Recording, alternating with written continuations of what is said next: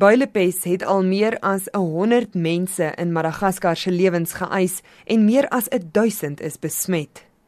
Professor John Vreen van die Nasionale Instituut vir Oordraagbare Siektes verduidelik dat die WGO lande wat nou bande met Madagaskar het, gewaarsku het om op die uitkyk te wees. Clearly people who may be exposed in Madagascar are at risk and probably of concern is importation of plague to South Africa by travelers.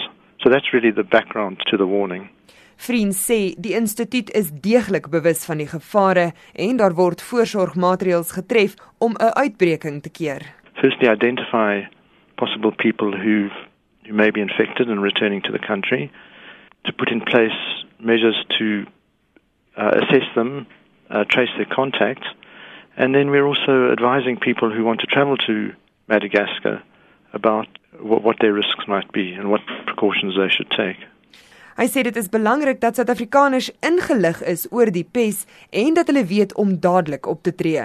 So we're giving information to people to say that if you have visited Madagascar within the last 10 to 14 days, you start feeling ill with a fever, chills, generally feeling weak and unwell, sort of the early stages of flu, for example, uh, would be very similar. So non-specific symptoms Uh, if that goes on to develop these swellings in the in the groin, the lymph node swellings, or the person develops a cough, they must immediately get attention and be assessed for the possibility that they uh, have acquired plague.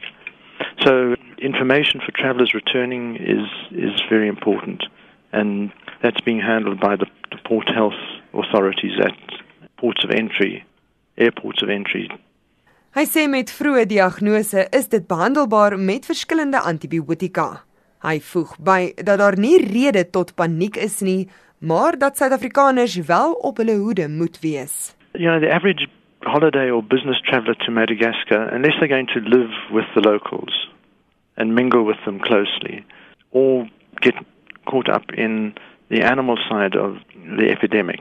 In other words, go camping in areas where uh, there might be um, a plague outbreak, they're unlikely to be seriously exposed.